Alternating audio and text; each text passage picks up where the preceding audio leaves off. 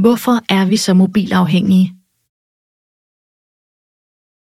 Den første smartphone blev lanceret i 2007, og siden da er det gået stærkt. Og det er ikke svært at se, hvorfor dens popularitet er vokset eksponentielt. Pludselig har du både computer, kamera, musik, nyheder, underholdning, information og kontakt til venner og familie på tværs af landegrænser, alt sammen lige i lommen. Der er nærmest uendelige muligheder, men det er måske også det, der er problemet. Men selvfølgelig er din smartphone jo ikke et problem i sig selv. Den er bare et stykke teknologi, der kan en masse fantastiske ting. Problemet opstår i den afhængighed, som ofte følger med. Når du bruger din smartphone, udløser det nydelsestoffer og trigger hjernens belønningssystem, som er det område, der skaber afhængighed.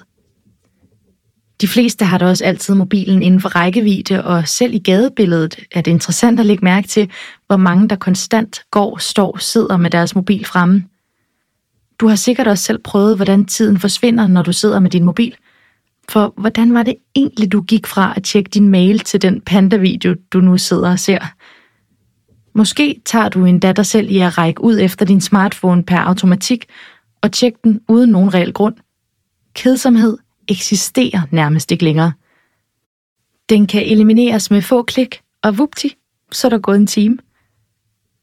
Langt de fleste vil nyde godt af en digital detox, men det er især i forhold til din søvn, at din smartphone kan skabe problemer.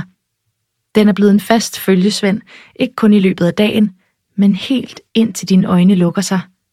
Og en smartphone egner sig ikke til at være sengekammerat. Den skal lægges til at sove i god tid, inden du selv gør det så du kan få en rolig nattesøvn. Tempur Fun Fact For nogle mennesker er mobilafhængigheden nu gået så vidt, at de er begyndt på sleep texting, et fænomen, hvor man sender beskeder, e-mails eller foretager telefonopkald, mens man sover.